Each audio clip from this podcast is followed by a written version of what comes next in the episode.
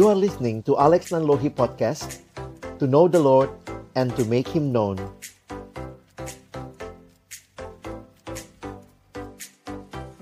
Kami datang dalam ucapan syukur ya Tuhan pagi hari ini. Terima kasih karena sungguh anugerahmu nyata bagi hidup kami. Tuhan adalah Allah yang baik dan yang menyatakan kebaikanmu bagi kami. Bahkan Tuhan memberikan kesempatan kami kembali bersekutu seperti ini. Kami boleh memuliakan namamu. Dan tiba waktunya kami akan membuka firmanmu. Kami mohon ya Tuhan, bukalah juga hati kami. Jadikanlah hati kami seperti tanah yang baik supaya ketika benih firman-Mu ditaburkan boleh sungguh-sungguh berakar, bertumbuh, dan juga berbuah nyata dalam hidup kami.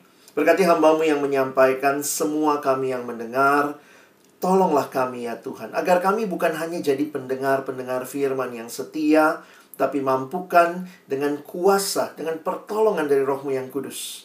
Kami dimampukan menjadi pelaku-pelaku firman-Mu di dalam hidup kami, di dalam masa muda kami. Bersabdalah ya Tuhan kami umatmu sedia mendengarnya dalam satu nama yang kudus. Nama yang berkuasa, nama Tuhan kami Yesus Kristus. Kami menyerahkan pemberitaan firman-Mu. Amin. Shalom, selamat pagi teman-teman sekalian. Senang boleh ketemu. Ini nah, ini sih namanya berzumpa ya, karena lewat Zoom ya. Senang boleh uh, ketemu dengan teman-teman semua dari Sinode Gereja Kristus kita hari ini ingin bicara satu topik yang menarik ya SOS. Ada yang darurat nih ya. Nah, kita akan lihat sama-sama. Saya coba siapkan satu slide buat kita dan nanti kita akan coba sama-sama belajar dari bagian firman. Tapi sebelumnya, um, Kak Alex ingin uh, sharing juga ya, tanya kabar teman-teman ya. Apa kabar teman-teman? Tapi gampangnya begini ya, lihat di layar Nomor berapa yang paling menggambarkan kabarmu hari ini? Bukan kemarin, bukan besok, tapi hari ini ya. Yuk, silakan yuk bertukar kabar. Ini nggak ada bener salah ya.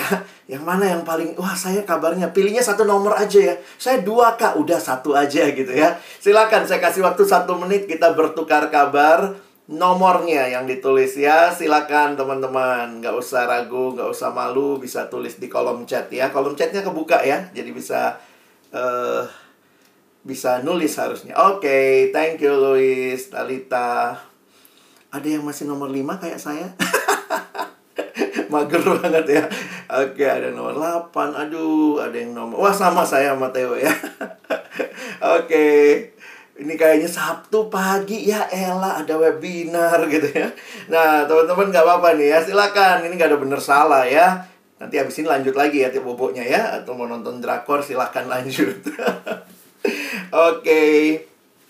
Baik teman-teman Thank you ya untuk bertukar kabarnya Kiranya nanti juga saling memperhatikan ya Kalau lihat ih kayaknya nomornya Nomornya nggak agak-agak uh, Perlu ditanya nih kenapa ya gitu ya Ya biar kita bisa share satu sama lain Oke, nah kita sekarang ini sedang ada di dalam masa pandemi. Ya, minggu depan itu udah dua tahun corona ya, COVID di Indonesia. Uh, Mim Mim bilang gitu ya, jangan dirayain ulang tahunnya corona, nanti tambah panjang umur dia ya. Bener ya, udah dua tahun loh teman-teman ya. Ini kan awalnya cuma masalah kesehatan. Tapi lihat, ini bahkan telah menjadi masalah uh, pendidikan karena juga harus belajar online teman-teman juga pasti yang lagi studi nggak mudah tadi Gabriel cerita eh lulusnya sarjana covid gitu ya. Wah nggak gampang juga mungkin ya harus cari kerja dan seterusnya. Buat yang sudah kerja pun nggak mudah. Yang sudah punya pekerjaan harus work from home kadang-kadang sekarang harus uh, masuk office gantian apalagi kalau tinggal sama orang tua. Dengan situasi uh, Omikron yang lagi naik juga pasti itu nggak mudah. Ini bahkan juga telah menjadi masalah sosial, masalah ekonomi, bahkan masalah masalah kerohanian. Ibadahnya pun online. Nah, nggak tahu nih ya. Gimana pengalaman ibadah online teman-teman? Apakah skip pujiannya? Aduh, udah deh pendetanya khotbah apa cepetan gitu ya. Lagi lihat uh, pendetanya khotbah, ah kayaknya kurang enak ah pindah gereja lain gitu ya. Nah, itu semua hal-hal yang mungkin kita alami dalam masa-masa seperti ini ya. Nah, pagi ini kita mau bicara darurat SOS, tapi apa sih yang emergency? Apa sih yang darurat? Sebenarnya kita perlu melihat lagi, kita perlu refresh lagi dengan hal-hal yang mendasar dalam iman kita. Teman-teman, kalau kita naik pesawat, mau sudah naiknya ratusan kali, ribuan kali, tetap ada peragaan, petunjuk mempergunakan sabuk pengaman, peragaan menggunakan jaket uh, pelampung ya. Kita nggak bisa bilang, wah saya mau udah sering banget naik pesawat, nggak usah lah itu. Ada hal-hal yang basic yang perlu terus diingatkan kepada kita supaya kita aware. Dan biasanya hal-hal basic itu kita lupain ya. Tanpa sadar karena udah biasa, udah sering. Nah itu karena itu pagi ini mungkin yang Kak Alex akan sharing kan bukan hal yang wah banget gitu ya. Ini hal basic tapi SOS gitu ya. Nah saya mulai dengan satu kalimat yang saya senang waktu bicara kekristenan. Kutipan ini mengatakan begini. Christianity isn't, saya tambahin ya, isn't just a religion. But it is a relationship with God through Jesus Christ. Kekristenan bukan sekadar agama, bukan sekadar ritual. Memang di dalamnya ada ritualnya, makanya saya tambahkan kata just ya. Christianity isn't just a religion, just a ritual. It's a relationship with God through Jesus Christ. Ini adalah sebuah relasi dengan Allah di dalam Kristus.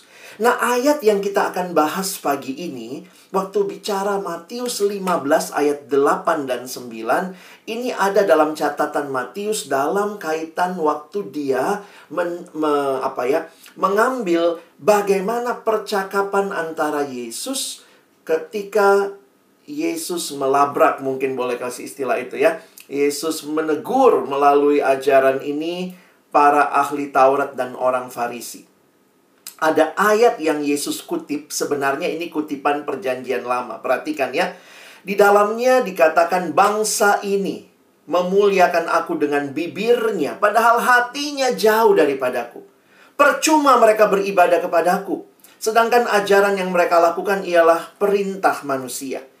Umat Israel, khususnya para Farisi, ahli Taurat itu mah orang-orang jago dalam hal keagamaan mereka bahkan orang-orang yang belajar kitab suci begitu mendalam. Tetapi Yesus mengutip dari mana kutipan ini sebenarnya diambil dari Yesaya 29.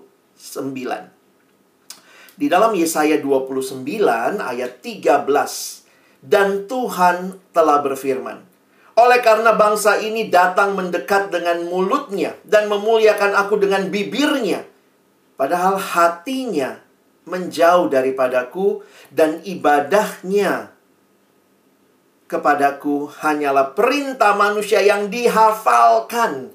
Ini adalah sebuah evaluasi Tuhan terhadap ibadah Israel. Ingat, Israel itu umat milik Allah. Mereka bahkan punya sistem ibadah ritual yang mereka lakukan berulang-ulang. Setiap minggu datang, setiap minggu datang, bahkan ada korban-korban harian. Mereka bukan bangsa yang nggak mengenal kerohanian. Mereka bukan bangsa yang nggak kenal ritual. Mereka lakukan semua itu. Masa-masa COVID ini menarik ya. Kita mulai bingung gitu. Aduh, pemuda, bahkan juga mungkin remaja, kayaknya mulai menurun. Kita takut juga ya, entah bagaimana satu dengan yang lain juga mungkin melihat, wah kerohanian gue lagi anjlok banget nih, begitu ya.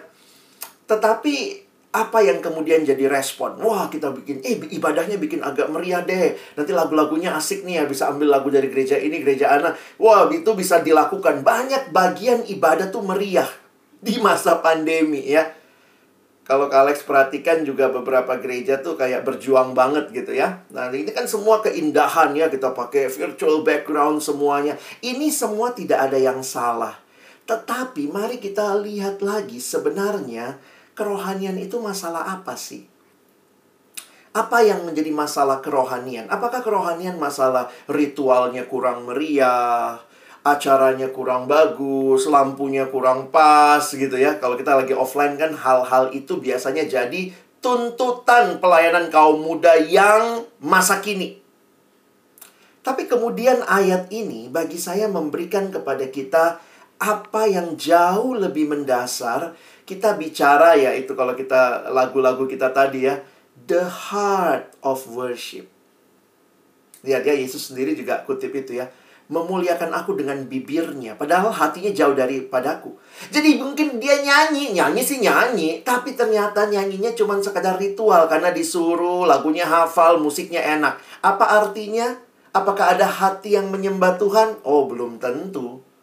Asik nih. Daripada ke diskotik ya udah ke gereja yang kelap kelip asik nih lampunya bikin lebih hidup lebih semangat tetapi apakah hatinya sedang menyembah Tuhan.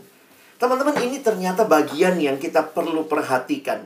Di dalam satu bagian Alkitab saya kutipkan buat kita Amos pasal 5 Amos 5 ayat 21 24 ini judul yang diberikan LAI nanti kalau cek di Alkitab cetak kita ibadah Israel dibenci Tuhan. Wah, kira-kira apa bayanganmu? Ibadah Israel dibenci Tuhan. Kenapa? Oh, mungkin lampunya kurang banyak. Oh, mungkin persembahannya nggak ada. Oh, mungkin mereka sedang tidak beribadah dengan proper begitu ya.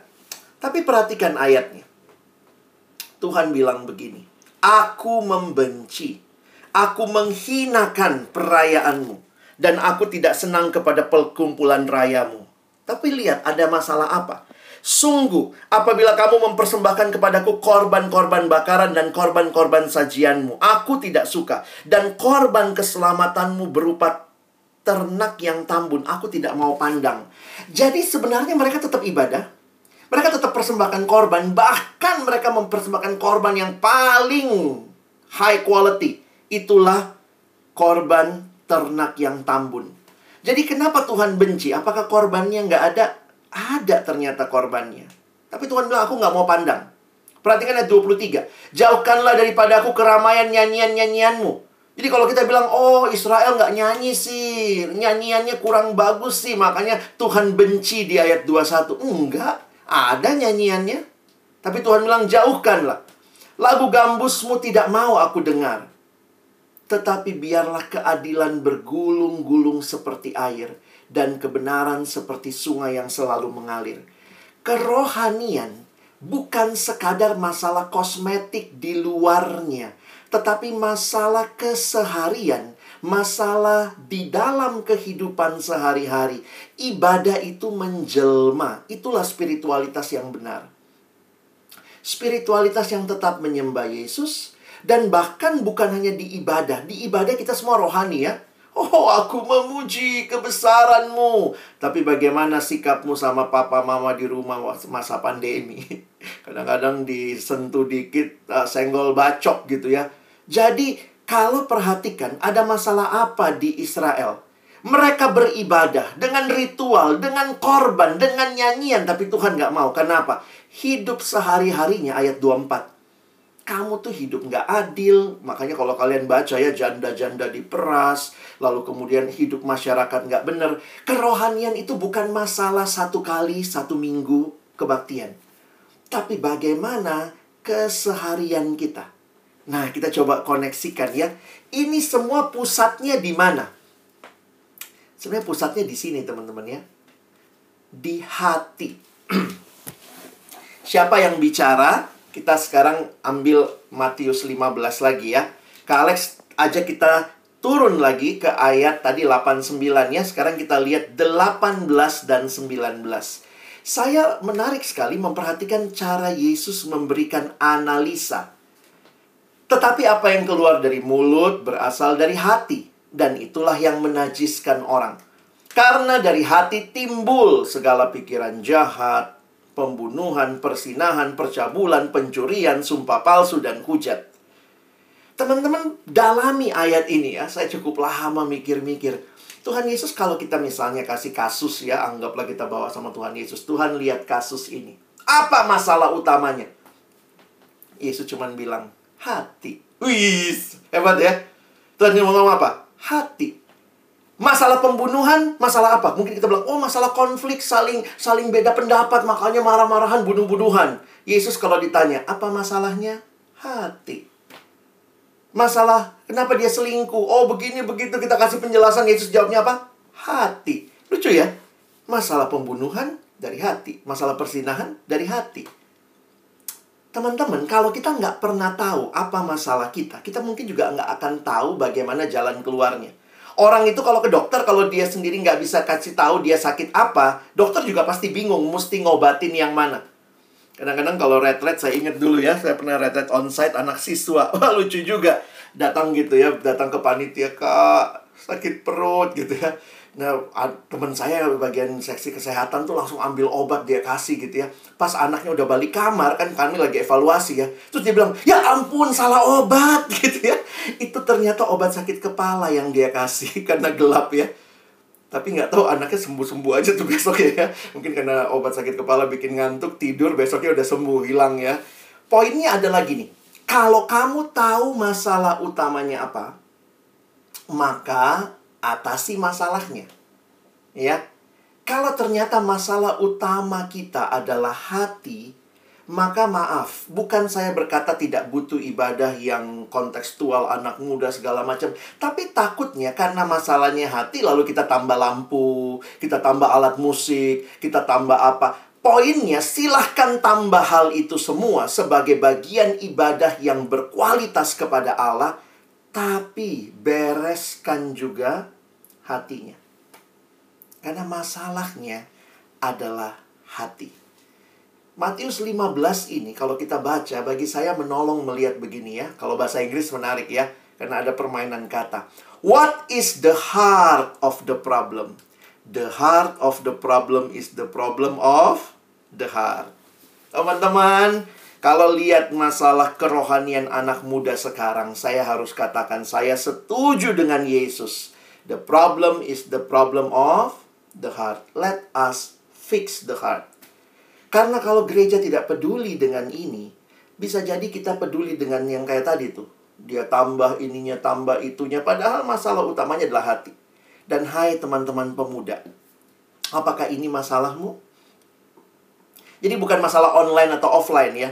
Mau online, offline, kalau hatinya nggak di situ, sama aja teman-teman ya.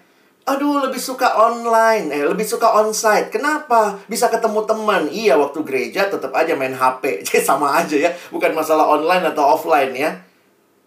Jadi ini pergumulan. Memang ada yang bilang, tapi kalau offline kita bisa lebih konsentrasi. Oke, silahkan. Tapi ingat, bereskan hati kita.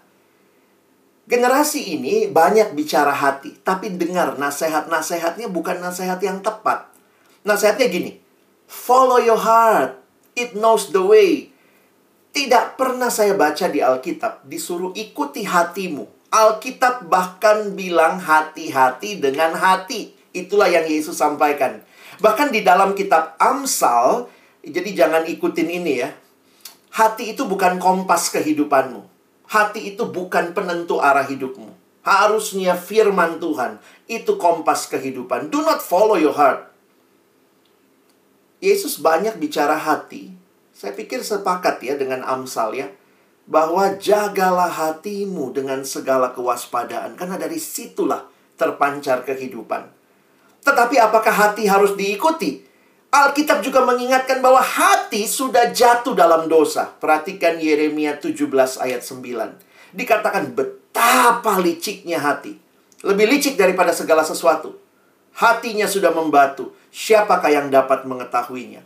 Kalau hatimu belum diserahkan kepada Kristus, lalu kau ikuti hati yang licik, yang nggak benar, do not follow your heart.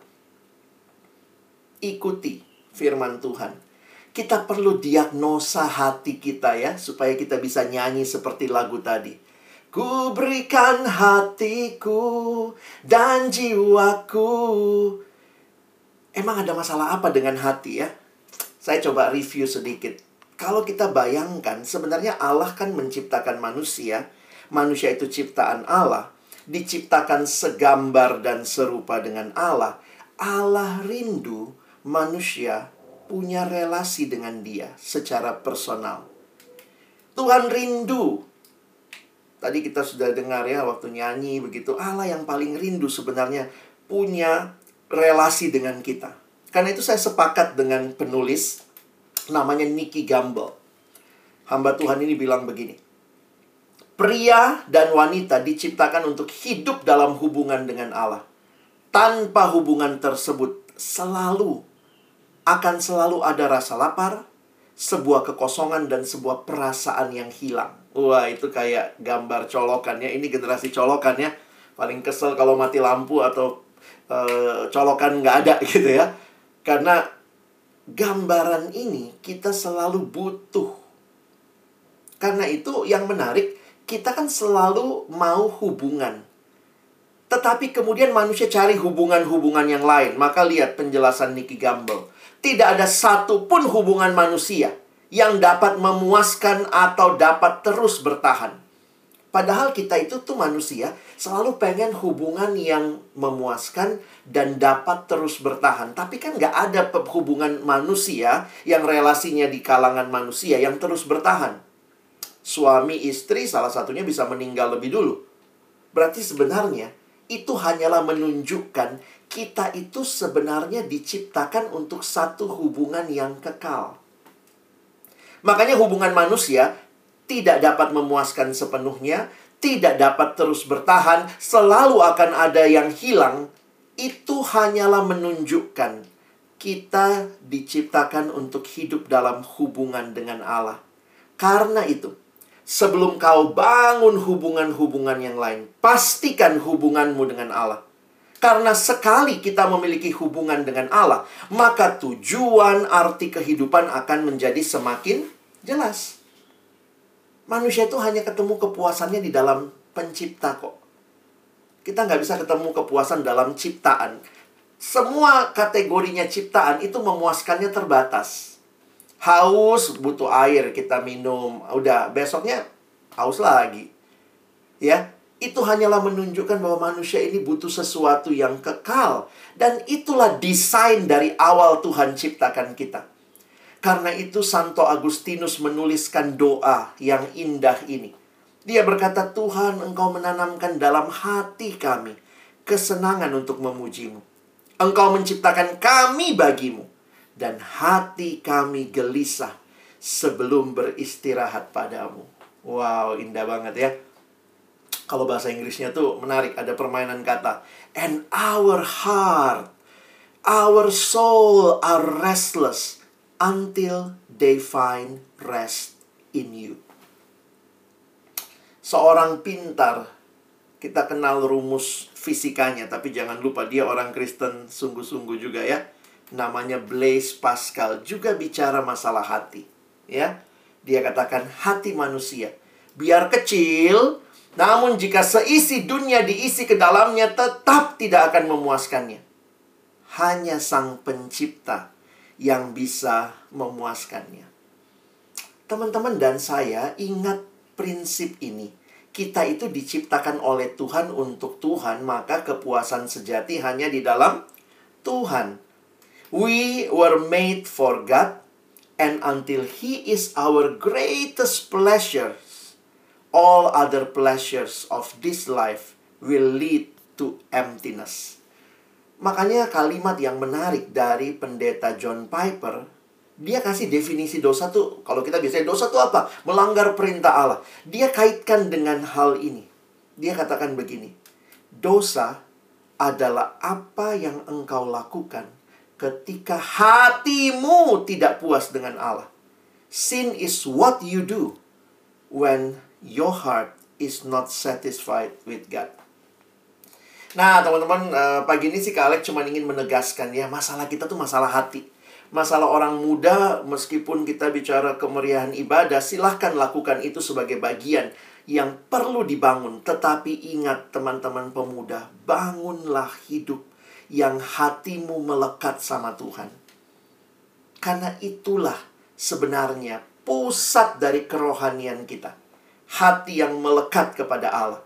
Tapi mungkin kita bilang, wah tadi Kak Alex bilang udah rusak hatinya. Gimana dong? Saya setuju dengan kalimat ini. No human being has power to change the heart. Only God does. Kalau yang rusak HP, bawanya ke tukang servis HP ya, biar pas ya. Yang rusak jam tangan, bawanya ke tukang servis jam tangan. Kalau yang rusak sepeda, sepeda motor, bawalah ke tukang ke bengkel gitu ya, yang bisa ngurusin itu. Kalau yang rusak hati, bawa sama yang menciptakan hati. bawa kepada Tuhan. Dan apa yang Tuhan lakukan? Yehezkiel 36. Ayat ini menarik sekali untuk kita pikirkan ya. Di dalam janji pembaharuan bagi Israel, Tuhan bicara tentang hati. Nah, kita kan Israel rohani nih ya. Aku, kata Tuhan, akan mencurahkan kepadamu air jernih yang akan mentahirkan kamu dari segala kenajisanmu dan dari semua berhala-berhalamu. Aku akan mentahirkan kamu. Perhatikan 26. Kamu akan kuberikan hati yang baru dan roh yang baru di dalam batinmu. Aku akan menjauhkan dari tubuhmu hati yang keras dan kuberikan kepadamu hati yang taat. Rohku akan kuberikan diam di dalam batinmu. Dan aku akan membuat kamu hidup menurut segala ketetapanku dan tetap berpegang pada peraturan-peraturanku dan melakukannya. Teman-teman, kapan hal ini terjadi? Saya menghayati pengorbanan Yesus di kayu salib. Kasih yang unconditional Itulah yang dipelajari ketika kita baca 1 Yohanes 4 ayat 10. Nanti buka ayatnya ya. 1 Yohanes 4 ayat 10. Kalimatnya berkata begini. Bukan kita yang mengasihi Allah terlebih dahulu. Tetapi Allah lah yang telah terlebih dahulu mengasihi kita. Teman-teman bagaimana kita alami hati yang baru ini? Tidak bisa tidak kamu hanya bisa bilang I love Jesus itu hanya karena Yesus pertama kali sudah mengasihimu. We can say I love Jesus. We love Jesus only because God loved us first. Jesus loves us first. Jadi seperti apa sebenarnya masalah hati ini? Mulailah dengan buka hatimu terima Yesus dan kemudian hari-harimu akan menjadi hari yang terus mencintai dia, terus berelasi dengan dia seperti kalimat di awal tadi ya. Kekristenan itu relasi sama Tuhan, teman-teman, bukan cuma ke gereja, nyanyi. Kalau itu dilakukan tanpa hati yang benar-benar terarah kepada Tuhan, apa gunanya? Jadi kerohanian secara sederhana saya tuliskan begini. Adalah makin cinta Yesus hari demi hari itu adalah sebuah perjalanan seumur hidup yang dimulai dengan membuka hati dan menerima Yesus sebagai satu-satunya Tuhan dan Juru Selamat, serta terus mencintai Dia dalam keseluruhan hidup kita.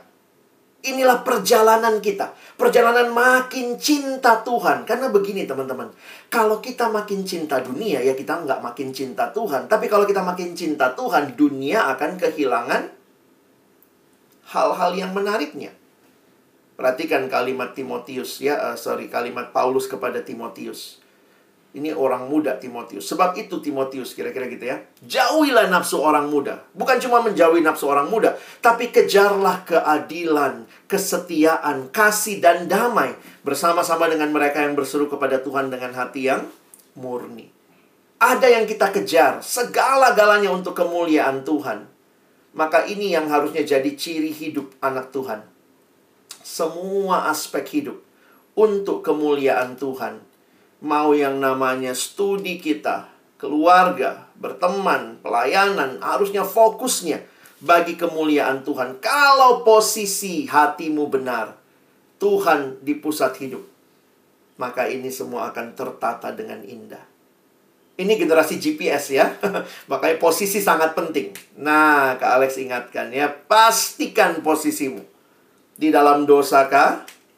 Atau di dalam Kristus? Kalau di dalam Kristus, maka ingatlah bahwa kamu sudah terima dia. Hatimu sudah dibaharui, tapi kamu punya tuntutan. Ada komitmen untuk terus bertumbuh. Masih ingat Tuhan Yesus menggambarkan hati seperti tanah ya. Jatuh di tanah yang baik, jatuh di tanah yang berbatu-batu. Jadi hati ini harus menjadi tempat di mana firman bertumbuh. Ada tiga hal kata pendeta John Stott yang Tuhan berikan buat kita. Supaya kita bertumbuh. Pertama Tuhan kasih roh kudus. Itu memastikan dia hadir memimpin hidup kita. Kedua Tuhan kasih firman dan doa. Itu relasi dengan Tuhan. Ketiga Tuhan kasih kita komunitas. Roh kudus Allah sendiri itu yang kita miliki, membimbing hidup kita. Lalu relasi dengan firman Tuhan, doa itu yang vertikal. Tuhan, saya bicara sama Tuhan namanya doa. Tuhan bicara kepada saya melalui firman. D.L. Moody bilang begini, The Bible will keep you from sin or sin will keep you from the Bible. Tapi juga yang ketiga, jangan lupa Tuhan kasih kita komunitas. Bertumbuhlah dalam komunitas. Saya rindu teman-temanku dalam masa pandemi ini kita nggak berhenti untuk terus memupuk hati yang dibaharui terus dengan Tuhan. Bagaimana relasi-relasi pribadi kita dengan Tuhan? Kadang-kadang kita mesti berjuang ya untuk saat teduh, untuk doa, untuk ibadah seperti ini ya. Kadang-kadang saya berjuang. Salah satu bentuk perjuangan saya nyalain camp. Karena kalau nggak nyalain saya juga takut saya nanti main-main, ngapain gitu ya. Itu kan perjuangan ya. Kita sebenarnya cara berjuang masing-masing. Tetapi mari mulai dari hati yang pertama-tama. Terus mencintai Tuhan. Saya tutup dengan uh, ini ya. Uh, ayat ini. Sebab inilah kasih kepada Allah bahwa kita menuruti perintah-perintahnya perintah-perintahnya itu tidak berat. Sebab semua yang lahir dari Allah mengalahkan dunia, dan inilah kemenangan yang mengalahkan dunia, iman kita. Saya kaget pertama dapat ayat ini pas SMA kayaknya ya. Ada kalimat gitu ya, hah? Perintah-perintahnya tidak berat. Lalu, pagi-pagi disuruh bangun, saat teduh, baca Alkitab. Aduh, kayaknya capek banget masa anak muda mesti gitu sih gitu ya. Kayaknya ayatnya nggak salah ya. Waktu itu saya sampai cek gitu di Alkitab. Jujur aja kalau nanya, perintah Tuhan tuh berat apa enggak ya? Tapi di sini bilang perintah-perintahnya tidak berat. Loh, kuncinya di mana? Kuncinya ada di ayat yang ketiga awal. Sebab inilah kasih kepada Allah. Orang kalau digerakkan oleh cinta, wis, hal yang sangat berat bisa jadi tidak berat. Wah gitu ya. Kadang-kadang kan gitu ya. Kalau mencintai, tolong dong ambilin bulan. Wah, walaupun bercanda gitu ya. Tapi kesannya gini, kalau bulan aja dia bersedia mengambil karena dia cinta sama saya, maka apalagi yang lain. Memang hanya cinta yang sanggup mengubah kewajiban jadi kerinduan. Saya rindu lihat anak-anak muda yang hatinya mencintai Tuhan sehingga dia bangun kerohanian saya mau baca Alkitab, saya mau berdoa, itu keluar out of love. Sehingga itu jadi tidak berat. Karena kalau kita cinta, kita mau komunikasi ya. Kalau kita mau komunikasi, itu berarti kita mau memaintain relasi. Bukankah itu kekristenan? Christianity isn't just about religion, it's a relationship with Jesus. With, uh, with God through Jesus Christ. Oke, kiranya ini boleh menjadi berkat buat teman-teman sekalian untuk terus membangun kerohanian di masa pandemi ini. Saya serahkan kepada Kevin, kita bisa masuk ke tanya jawab ya. Alex, terima kasih Kak buat firmannya, kiranya jadi berkat ya teman-teman buat kita semua. Oke, kita mau masuk ke sesi diskusi dan tanya jawab. Mungkin uh, boleh teman-teman yang mau bertanya, raise atau ada pertanyaan atau ada kemudahan atau dari khotbahnya Alex ada hal-hal yang menarik mungkin yang teman-teman dapat boleh reset dulu nanti eh, di open mic ya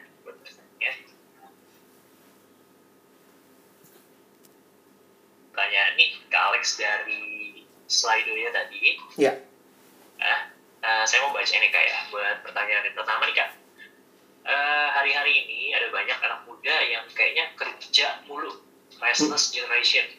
Efeknya waktu kayak habis aja urusin kerjaan dan jadi lelah diri secara jasmani dan mental. Hmm. So bagaimana kita bisa tetap dan kita bisa tetap mau dan berapi-api untuk mencari Tuhan sebagai sumber kekuatan kita. Bagaimana kita mau memakai hidup kita untuk pekerjaan Tuhan sedangkan pekerjaan duniawi kita rasanya udah banyak menyita waktu kita. Nah, itu sih kan. ini real. Ya. Real banget ya.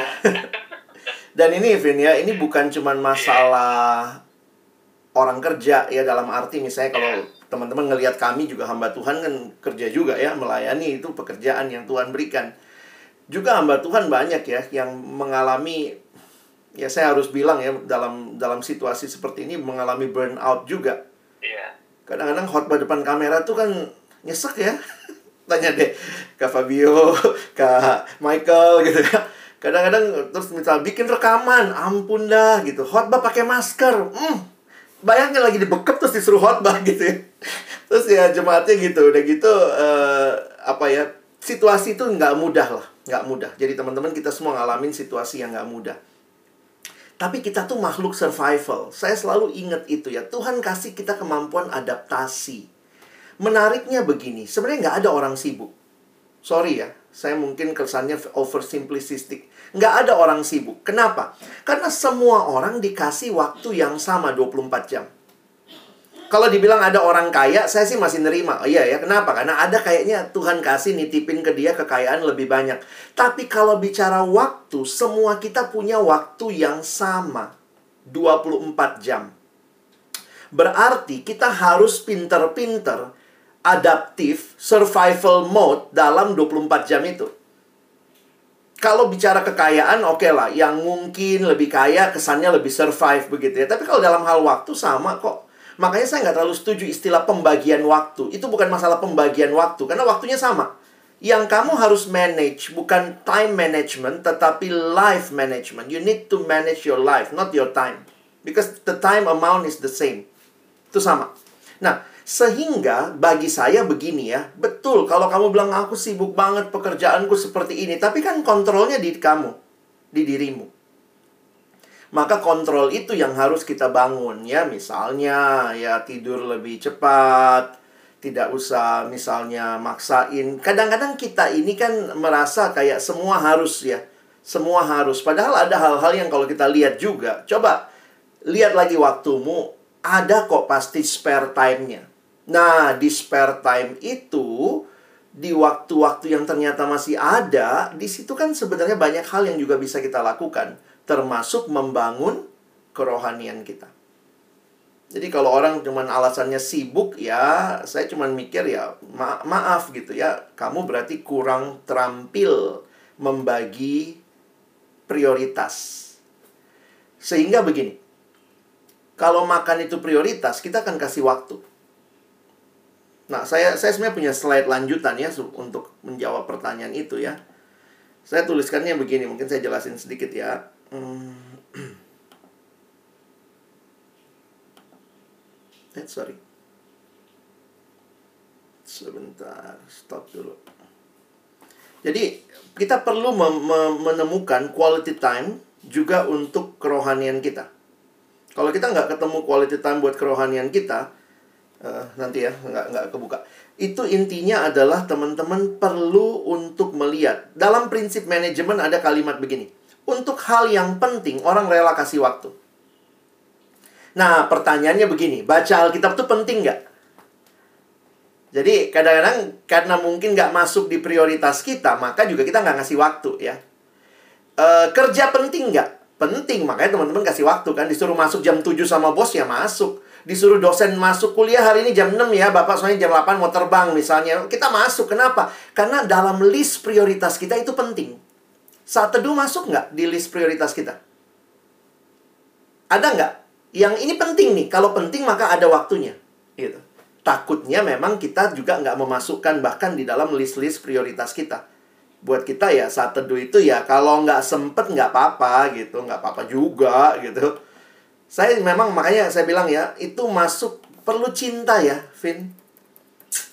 Jatuh cinta tuh gampang teman-teman yang sulit itu bangun cinta. Wis, ya. Ya teman-teman perlu tuh bangun cinta. Kalau saya mencintai istri saya, saya akan prioritaskan teleponin dia misalnya. Saya akan prioritasin balas WA-nya dia. Saya akan prioritasin kalau bisa dia jangan nunggu gitu ya. Itu kalau saya cinta istri saya, saya akan bangun komunikasi. Nah ini ya, pertanyaannya kita cinta Tuhan nggak ya? Nggak komunikasi sama Tuhan tiga hari, kita rasanya biasa-biasa aja gitu. Ketinggalan HP aja kita balik. Nggak saat teduh balik nggak?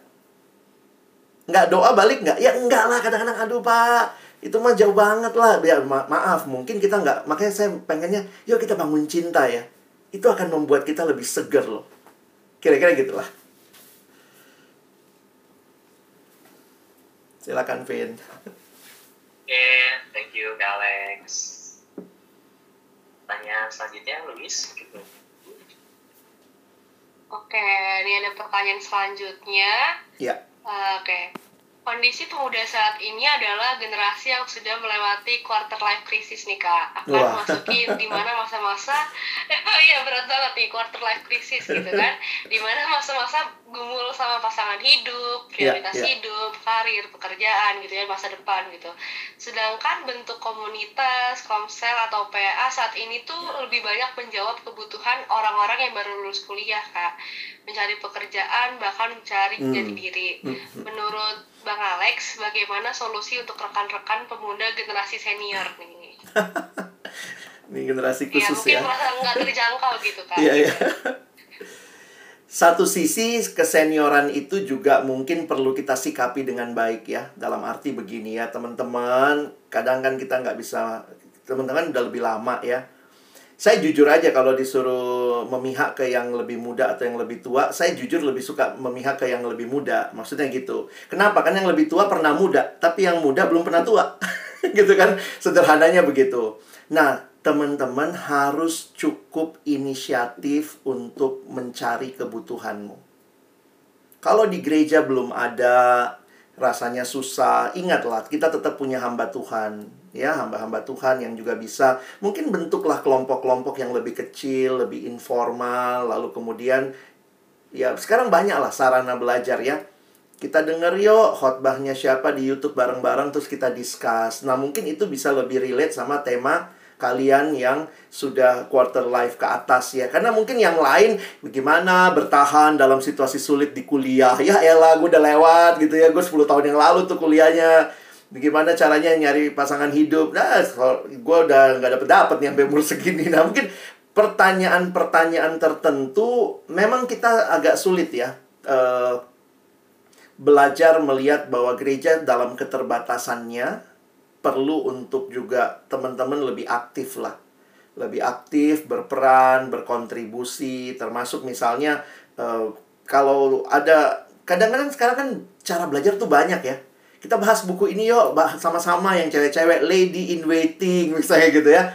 Bikin baca buku bareng. Jadi sebenarnya lebih banyak eh, kita berjuang lah bersama. Sementara ya gereja juga tentunya jangan lupa ya ingat teman-teman pengurus muda ingat ya yang pemuda tuh bukan cuma kamu ada yang lebih senior ada yang pergumulannya beda mungkin satu dua tema juga kita perlu pikirkan untuk mereka tetapi bagi saya eh, kerohanian itu kayak jangan tunggu disuapin ya kalau anak kecil mungkin masih disuapin tapi kalau sudah uh, sudah makin senior harusnya bisa lebih bergerak lebih eh, lebih di- ini ya lebih cepat lah mungkin begitu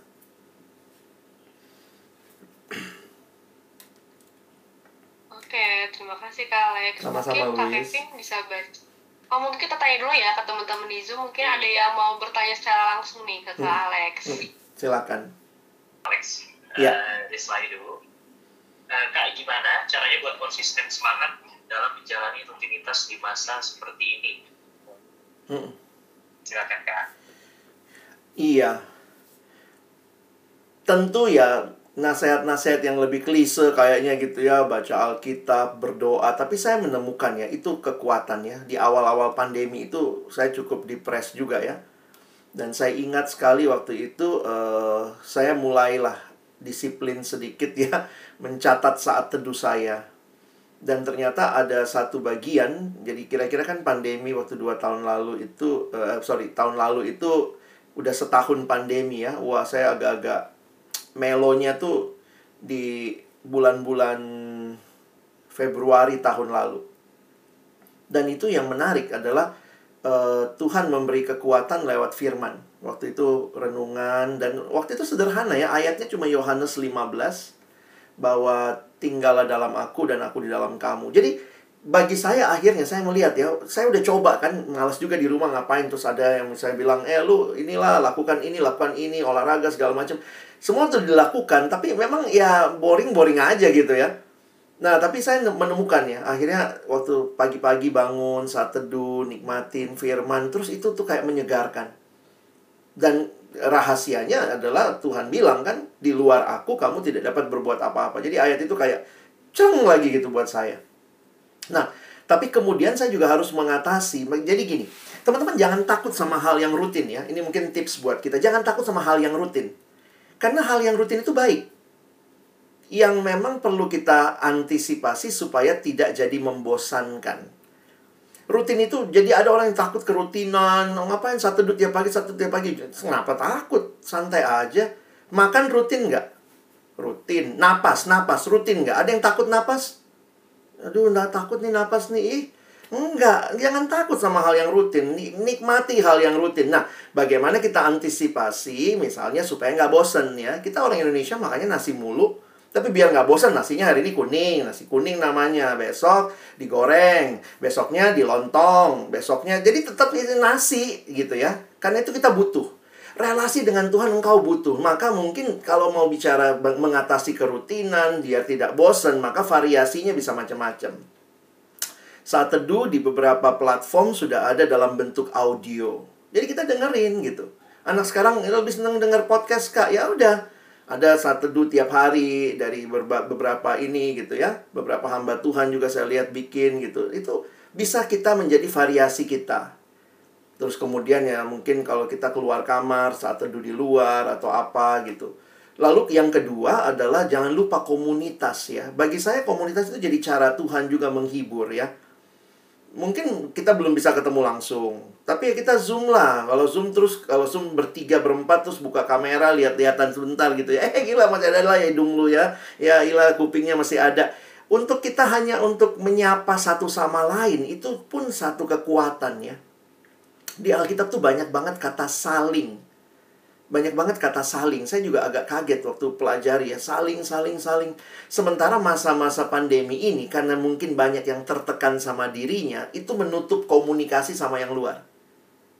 Kebaktian juga ya jarang-jarang datang, datang sekali-kali. Tapi bagi saya itu jadi kesempatan ya. Saya bicara rohaninya lah kalau yang dunia kan udah banyak lah. Coba apa eh, list film-film Netflix yang lu mau tonton. Coba tonton dengan teman, tontonnya barengan. Kadang suka gitu ya. Pernah nggak nonton bareng tuh? Terus uh, mukbang bareng. Lalu beli makanan, gue beli makanan. Dunia tuh punya banyak cara lah mengatasi kebosanan. Nah kita yang anak-anak Tuhan, yuk kita juga punya cara gitu ya.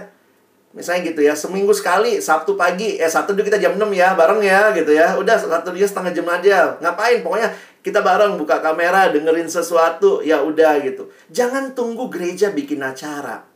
Kamu yang bikin acara karena kamu butuh. Kamu butuh terus segar. Dan kesegaran itu ya, kalau kita aja bisa itu ya, kadang tuh, gue pesenin Gojek ya bu, eh Gojek, gue pesenin GoFood buat lu ya, sorry nyebut merek ya, gue pesenin makanan buat lu terus dikirim gitu, itu aja kita usaha ya. Tapi kadang buat kerohanian tuh kita mesti usaha sih. Dulu ada anak remaja bilang gini, Kak, lagi berhenti saat teduh nih Kak. Kenapa? Habis uh, renungannya mahal. Hah? 4 ribu Kak. Ya elah 4 ribu mahal. Jadi kalau lu beli bakso aja bisa 8 ribu, beli renungan aja 4 ribu enggak, ya itu kan kelihatan lah cintanya gitu ya. Nah, kadang-kadang kita mesti menyemangati diri dan satu sama lain. Ya mungkin gitu kali ya, Vin ya. Oke, Kak Alex. Thank you, thank you, Kak. Kayaknya ada satu pertanyaan lagi ya, Luis ya. Oh, boleh. Iya, ada satu pertanyaan lagi nih, Silakan, pertanyaan Luis. terakhir kita. Oh, dan kayaknya ini relate banget ya sama teman-teman semua mungkin ya. Oke, Shalom Kak, saya mau bertanya, bagaimana kita memastikan kalau kita tuh bertumbuh atau sudah bertumbuh atau sedang bertumbuh gitu dalam Tuhan. Sedangkan Iya. kita pribadi ngerasa kita tuh kayak nggak layak karena dosa-dosa kita gitu. Lalu bagaimana tindakan konkret kita yang dapat dilakukan untuk membangun komunitas yang bertumbuh dalam Tuhan? Jadi kayak semacam apa sih kak standar bertumbuh tuh sebenarnya gitu? Hmm. Di dalam kekristenan, kalau bicara standar ya tentunya kita kembali kepada kita harus makin serupa Yesus. Sebenarnya secara sederhana lah kalau kita nggak mau pakai yang terlalu macem-macem begitu ya. Kan kita kan nggak lagi bicara kurikulum, evaluasinya gimana, tapi kita serupa Kristus itu sebenarnya satu istilah Alkitab. Nah, makanya remaja dan pemuda di Amerika tuh ada yang bikin gerakan ya pakai gelang WWJD. Jadi kalau saya makin bertumbuh, saya makin mirip Yesus, makin serupa Yesus. Nah, itu harus terlihat kan? Terlihatnya di mana? Dalam pikiran kita, dalam perkataan kita, dalam kelakuan kita tiap hari. Jadi sebenarnya secara sederhana, kamu makin mirip Yesus nggak? Dan itu perjalanan seumur hidup belum ada satupun dari kita yang sudah sempurna. Jadi kalau ditanya kita ini lagi bertumbuh, kurang bertumbuh, sedang bertumbuh, kita intinya semua sedang bertumbuh menuju keserupaan dengan Kristus. Nah, dalam perjalanan itu tiga hal tadi Tuhan kasih. Ya, Tuhan kasih Roh Kudus menyertai kita, tidak meninggalkan kita. Tuhan kasih firman. Nah, makanya kita mesti punya komitmen dengan firman Tuhan, bagaimana memperlakukan firman Tuhan di beberapa gereja, mungkin juga gereja Kristus sama ya, itu yang masuk prosesi duluan Alkitab loh. Lalu nanti pendetanya dikasih Alkitab, kadang-kadang gitu ya, ada gereja, gila yang masuk aja bukan manusia dulu, Alkitab dulu gitu ya, kayak simbol yang inilah sebenarnya kehidupan kita dibimbing oleh firman. Orang merit dapatnya apa? Bukan dapat angpau di gereja, dikasih Alkitab dikasih. Ya. Karena itu bagian dari pentingnya firman Tuhan dalam kehidupan. Jadi apa yang mesti dibangun? Ya bangunlah relasi dengan firman Tuhan. Firmanmu pelita bagi kakiku, terang bagi jalanku. Itu menyiratkan dunia ini gelap. Lu bisa jalan ketika firman itu menerangi. Dan yang ketiga itu komunitas kan tadi ya. Maka milikilah komunitas yang sama-sama rindu bertumbuh. Nah, saya pikir uh, dalam situasi seperti ini uh, buat teman-teman yang maaf ya mungkin kalian punya masa lalu yang sangat kelam, agak-agak terjebak di masa lalu, ingat begini. Tuhan menerima masa lalumu. Tuhan tahu. Tapi yang menarik, kita kan nggak bisa ngubah yang lalu. Yang bisa kita ukir adalah apa yang ke depan. Maka jangan tinggal dalam masa lalu. Tuhan berkata kan, aku mengampunimu, aku melupakan dosa-dosamu. Sejauh timur dari barat, demikianlah aku mengampuni kamu. Maka mari mulailah bangun hidup yang seperti itu ya. Hidup dekat dengan Tuhan, bersama-sama dengan komunitas, baca firman, dan ini kita lakukan dalam uh, persekutuan di tempat kita masing-masing gitu ya. Dan saya sih suka mendorong juga kalau belum punya kelompok-kelompok kecil, saling mendukung, mendoakan mungkin gitu ya, kita buat juga lah. Itu itu penting ya.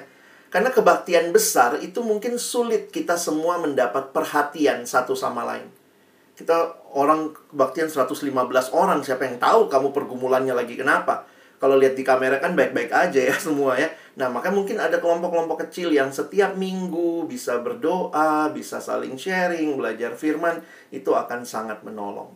Nah saya pikir itu yang orang-orang muda harus terus bangun ya. Sehingga kalau nanti gereja kita benar-benar bisa full lagi masuk kayak biasa offline lagi kita tuh memang bukan orang yang nggak nikmati Tuhan lalu tiba-tiba waktu on online poin saya adalah kalau online aja kamu nggak nikmati Tuhan offline pun juga belum tentu kamu nikmati Tuhan maka kamu harus bangun relasi dengan Tuhan sehingga kapan pun kamu akan kembali lagi dengan Tuhan mungkin gitu Louis Oke, terima kasih Kak. Sama-sama. Karena kita sudah mendengarkan firman Tuhan dan juga sudah berdiskusi dan semoga pertanyaan uh, jawaban dari Kak Alex sudah menjawab pertanyaan teman-teman ya. Aku persilahkan Kak Alex untuk tutup doa. Mari kita berdoa. Tuhan terima kasih banyak buat kebenaran-Mu, buat setiap wawasan, diskusi kami, betapa pentingnya hidup kami terus melekat dan mencintai Tuhan sehingga hal-hal yang mungkin orang rasa berat itu menjadi kesukaan bagi kami ketika melakukannya. Karena kami melakukannya bersama Tuhan, di dalam Tuhan, untuk kemuliaan Tuhan. Dan kami bersyukur melaluinya Tuhan memberikan pertumbuhan rohani. Makin hari kami makin mirip seperti Kristus. Tuhan, biarlah kami terus mengevaluasi apakah pikiran kami, perkataan kami, perilaku kami benar-benar menyatakan bahwa Yesus sudah hidup di dalam diri kami. Belum ada dari kami yang sempurna, tapi kami bersyukur Tuhan mengaruniakan rohmu yang kudus membimbing kami. Tuhan berikan firmanmu menjadi pelita, pedoman bagi kami. Tuhan berikan komunitas yang menolong kami bersama-sama bertumbuh. Tolong kami sebagai pemuda memanfaatkan semua yang Tuhan berikan supaya kami makin serupa Kristus. Terima kasih buat gereja, buat sinode yang terus memikirkan kerohanian para pemuda sehingga acara-acara seperti ini boleh dilakukan. Terima kasih untuk persekutuan-persekutuan pemuda yang terus diupayakan bahkan dalam masa pandemi ini. Kiranya terus melaluinya makin banyak pemuda yang dikobarkan untuk hidup bagi Allah dan boleh memuliakan Engkau. Terima kasih Tuhan buat firman-Mu hari ini, buat diskusi kami dan berkati waktu selanjutnya dalam sisa dari acara kami. Kami bersyukur dalam nama Yesus kami berdoa. Amin.